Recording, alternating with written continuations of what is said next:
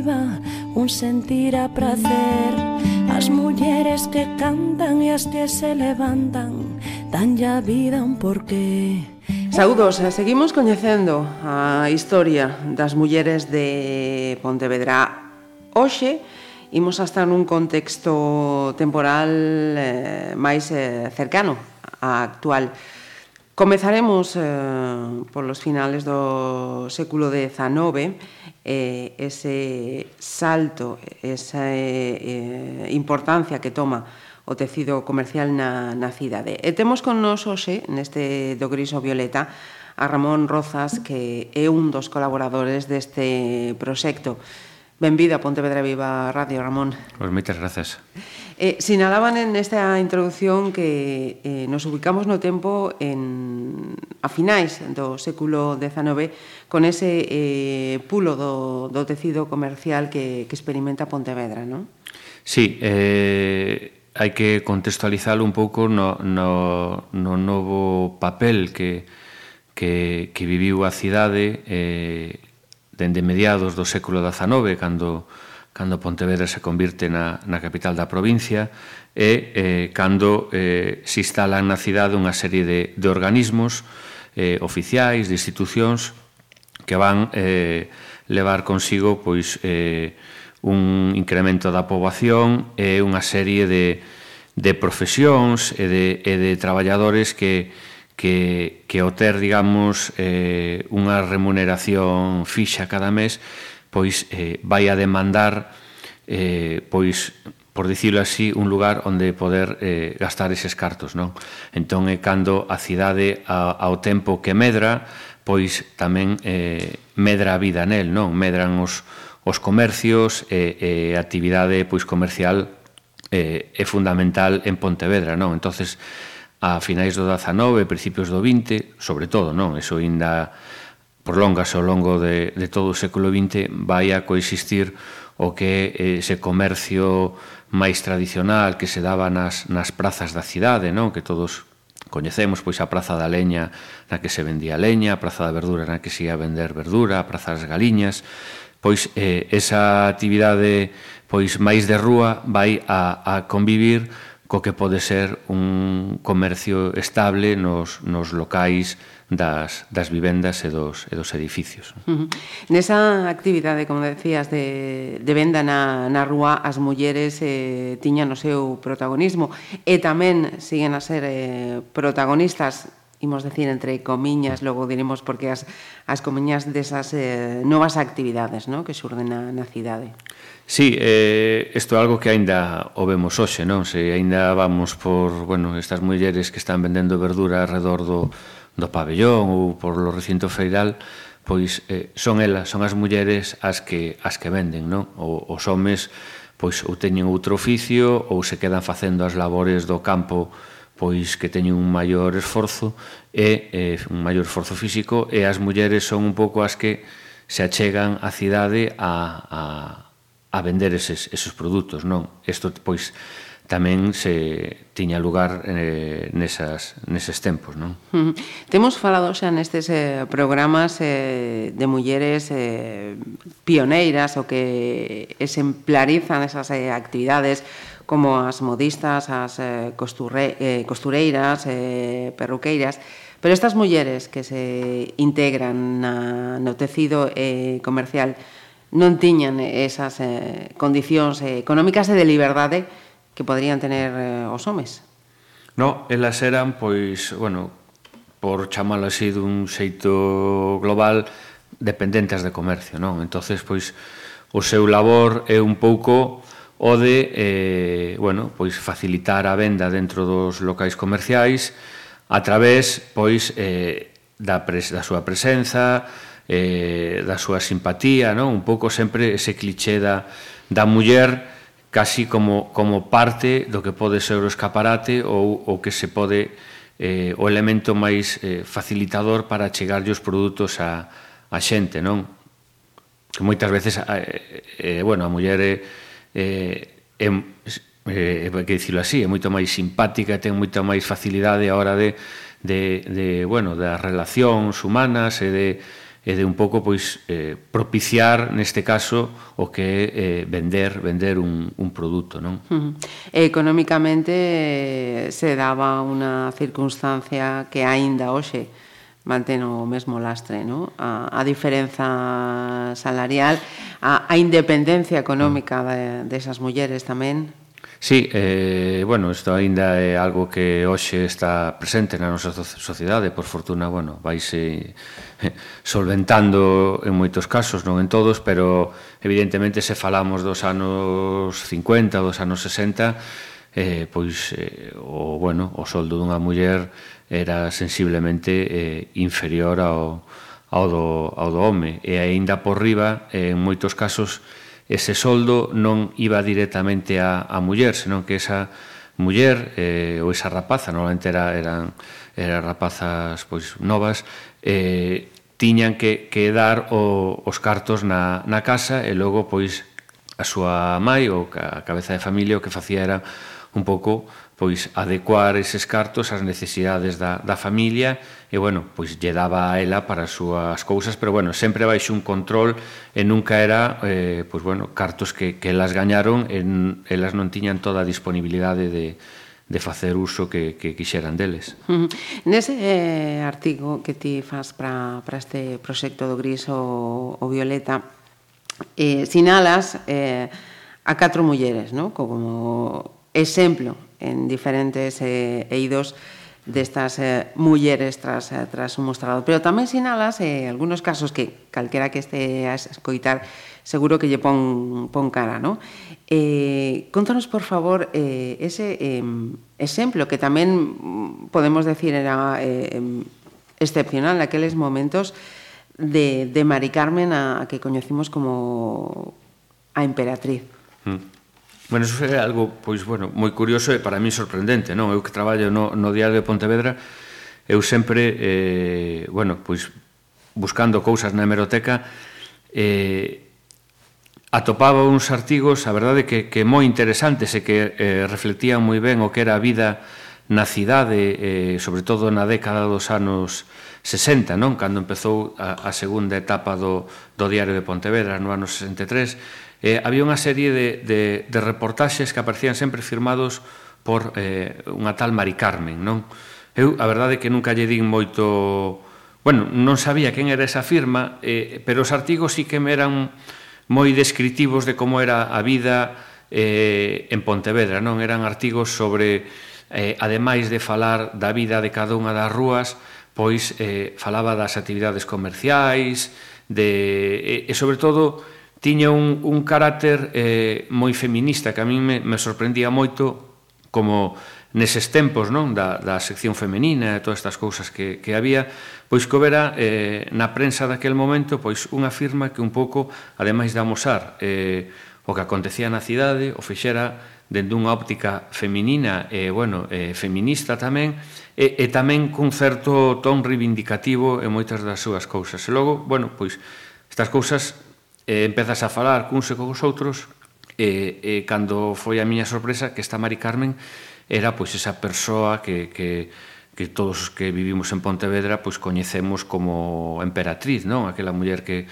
que paseaba pola rúa pois vestida como se fora eso unha unha emperatriz, non? Ela era unha muller que que tiña unha unha carreira creo que en en filosofía e letras, me parece me parece recordar, E, bueno, era unha muller evidentemente estudiada e que durante eses anos eh, bueno, pois facía uns, uns traballos que moi interesantes e que a min tamén, aparte de servirme para un pouco eh, facer este artigo tamén é un pouco reivindicar o papel dela, non? Que tamén, uh -huh. aínda que non traballara nun comercio, si que era eh, pois bueno, tamén eh, unha voz é un traballo pois eh, bueno, que reivindicaba a, a muller, non? Uh -huh. Este final de, eh, tamén incluso bueno, pola súa actividade eh, nos anos 60, unha muller no, no ámbito periodístico tampouco sí, sí, sí, era tan, eh, no, tan frecuente, que de feito claro. creo que se ves e de feito nas no que son é curioso porque nas nas fotografías que hai o millor do Diario de Pontevedra daquela época dos anos 60, ela non aparece en ninguna fotografía. Uh -huh. Non aparece ninguna fotografía, sai o director, sai xente traballando na redacción, Pero iso é unha cousa que estou pensando agora mesmo, eh, que, bueno, teño moi fresco por, porque traballo moito coas fotos do, do diario, eh, ela non está en, en, ninguna, en, ninguna, en ninguna desas imaxes, non? Un pouco, pois, bueno, ese estar na, na sombra, ese estar afastado, e tamén, o mellor, pois, eh, os homes, evidente que era un, un contexto moi, moi machista, pois, pois tampouco facían nada por o mellor aparecer ao lado dunha, uh -huh. dunha muller, non? E a máis do, do caso de, de Mari Carmen tamén eh, falas eh, de actividades como a farmacéutica con Trinidad Mosquera ou da fotografía Elvira Fentanes Nambos casos eh, sí que ten en común que hai eh, eh, o home, no, eh, mm. digamos que digamos que a, a cabeza visible, no, de, de deses de negocios. Sí, e é un pouco, bueno, no, no que é un artigo é un, simplemente citalas como como mellor pois dúas mulleres en dous ámbitos pois eso, pouco frecuentes uh -huh. e bueno, dous ámbitos un pouco máis especializados, no, que se afastan un pouco do que pode ser máis habitual como podía ser o o tema do, do, do comercio, comercio, non? Uh -huh. Eh, catro nomes eh, propios que si eh, abondas eh, neles. Eh, gustaríanos que, que nos falaras eh, deles. Todos coñecidos, non? Por exemplo, o caso de, de Clara López, estamos a mirar moi pretiño de aquí, mm. a Almacenes Clarita. Sí, eu tiven que escoller catro nomes, bueno, o certo é que todo que este artigo é un pouco pois é, é abrir un camiño, non? É, é, creo que debe, debe entenderse así, non? É un pouco mostrar un, un panorama, é, amosar unha realidade, pero sen, sen afondar moito nela, porque, bueno, nunca non hai nin nin estudos previos, ni nunca se, se fixo un traballo sobre esas mulleres que traballaban eh, na vida comercial, non? Eh, sí que o millor se fixo máis atención a mulleres en ámbitos máis industriais, non, do mundo do traballo, pero que o tema urbano de, da muller nunca se nunca se, se estudou, non? Entonces uh -huh. un pouco este traballo que pretende ser, pois, pues, bueno, ser un, un primeiro chanzo para para para seguir e para continuar, non? Eh, bueno, é evidente que que hai moitísimas ausencias, que isto simplemente ten que ser un comezo para que vayan eh, aparecendo outros nomes e, e seguir investigando, non? Entón un pouco eu eh, centreime en catro eh, tres que creo que son moi coñecidos, como é o de Clara López, da, eh, de Almacenes Clarita, eh, a señora Lola, uh -huh. eh, moi vencellada ao Pontevedra, E logo, bueno, María Luisa Olañeta Barros, que era a coñecida como María eh, María la del Carrillo, non? Con eses tres máis coñecidos, eu eh, precisamente neses eh, reportaxes da, do Diario de Pontevedra dos anos 60, e foi eh, outra vez eh, Mari Carmen a que, a que a que sacou a luz a historia desta muller está o caso de, de Dolores Trabado que é eh, unha pioneira non só en Pontevedra ou en Galicia, senón a nivel de España, no mundo do taxi, non? É a, é a decana das, das taxistas en España e en canto ao tema do carne de conducir, que tamén é un, un contexto moi moi masculino, non? Uh -huh. O mundo do, do coche, pois eh, imaginémonos nos anos 20 eh, era o único, no ano 1923, o único carné de conducir eh, con nome de muller era o desta muller Dolores Trabado que, que vivía e desenvolvía a súa actividade en, en Pontevedra. Non? Entón, un pouco estas catro mulleres pretenden ser eso, un resumo do labor de todas e, bueno, ser as primeiras pero as que deberían seguir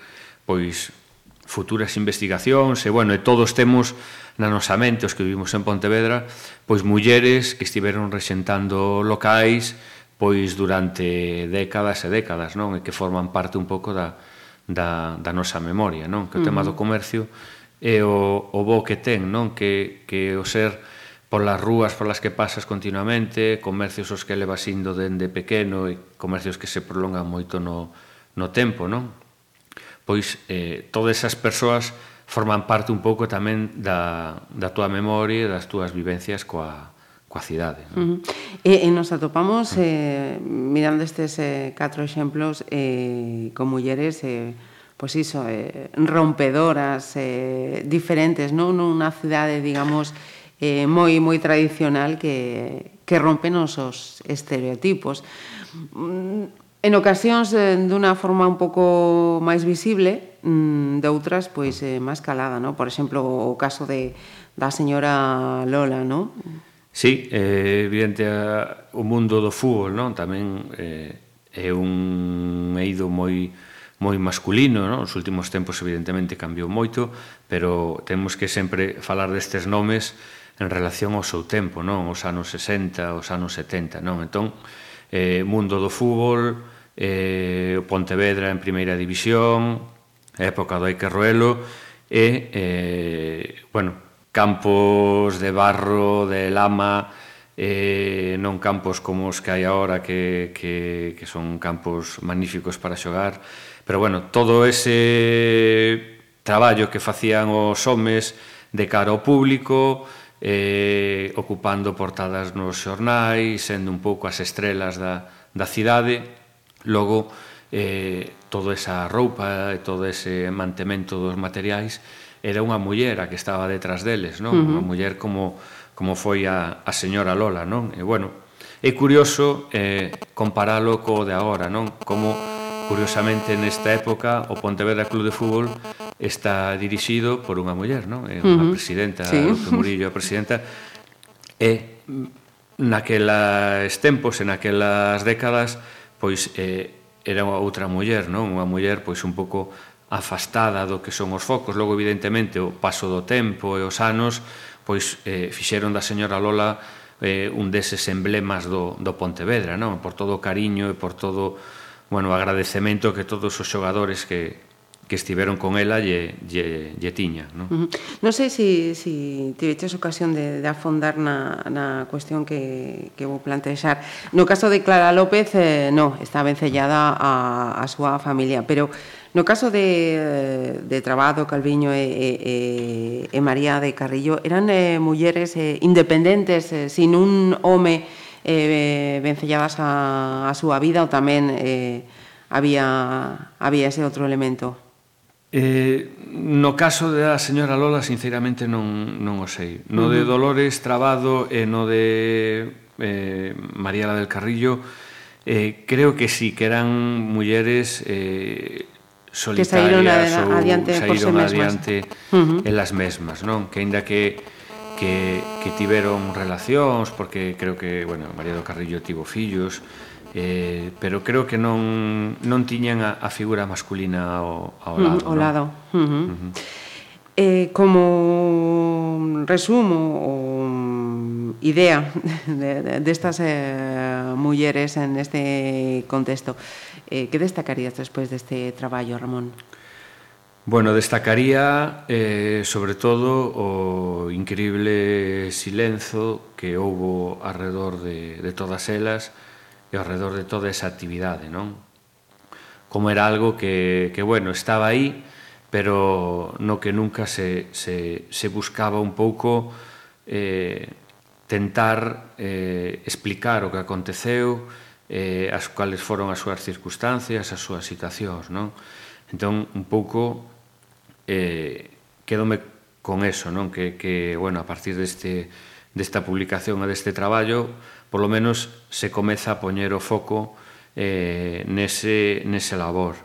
E logo, eh, pois, eh, o seu increíble capacidade de, de traballo e de romper con, con estereotipos ou de romper con, con cousas coas que elas, pois, supoño que terían que, que afrontar en moitas situacións eh, especiais na, naquel tempo, non? Uh -huh. Imagino co de ver a unha muller taxista conducindo cando aínda hai pouco pois lembramos a homes berrando e a mulleres porque fan maniobras co coche pois eh, imagínate nunha cidade pequena como Pontevedra pois unha muller eh, levando un taxi un taxi que non só se limitaba ademais ao que era Pontevedra senón que tamén facía viaxes a Madrid ou a Barcelona, que antes de ter un taxi tamén eh, conducía unha ambulancia, non? Uh -huh. Entonces me imagino que eso, bueno, nunha cidade como Pontevedra, pois eh, impactaba, eh, eh, impactaba ou traería detrás de sí pois moitos comentarios ou moitas situacións, non? Uh -huh. Entón, pues... un pois pouco eso, es, es, esa capacidade de rachar e logo a capacidade de, de desenvolver un traballo e logo eh, tirar para adiante coas súas familias, non? Uh -huh. Porque este traballo eh, non as liberaba... Non exclusivo. Uh -huh. Claro, do traballo na casa, que non había como é agora unha certa concienciación do home de axudar na casa e de axudar nas tarefas, non? Senón que antes a muller eh, levaba todo a, adiante, non? E o caso, por exemplo, de, de Clara, de Clara. López, da Inocens Clarita, uh -huh. que tiña sete fillos, e ao rematar a xornada, e ao longo de toda a xornada, non se podía liberar desa desa desa obriga, non? Entón, uh -huh. pois bueno, pois como en tempos tan tan complicados que aínda hoxe pois ves as túas nais, non? O todo o esforzo que que que levaron, pois como elas tamén foron capaces de de un pouco de ter a súa vida fora do fogar e, e, e levar eh, a vida da, da casa. Non? Uh -huh. Ramón Rozas, eh, grazas por achegarnos esta etapa e a estas mulleres de, de Pontevedra. Gracias a vos, un placer. Ferro e papel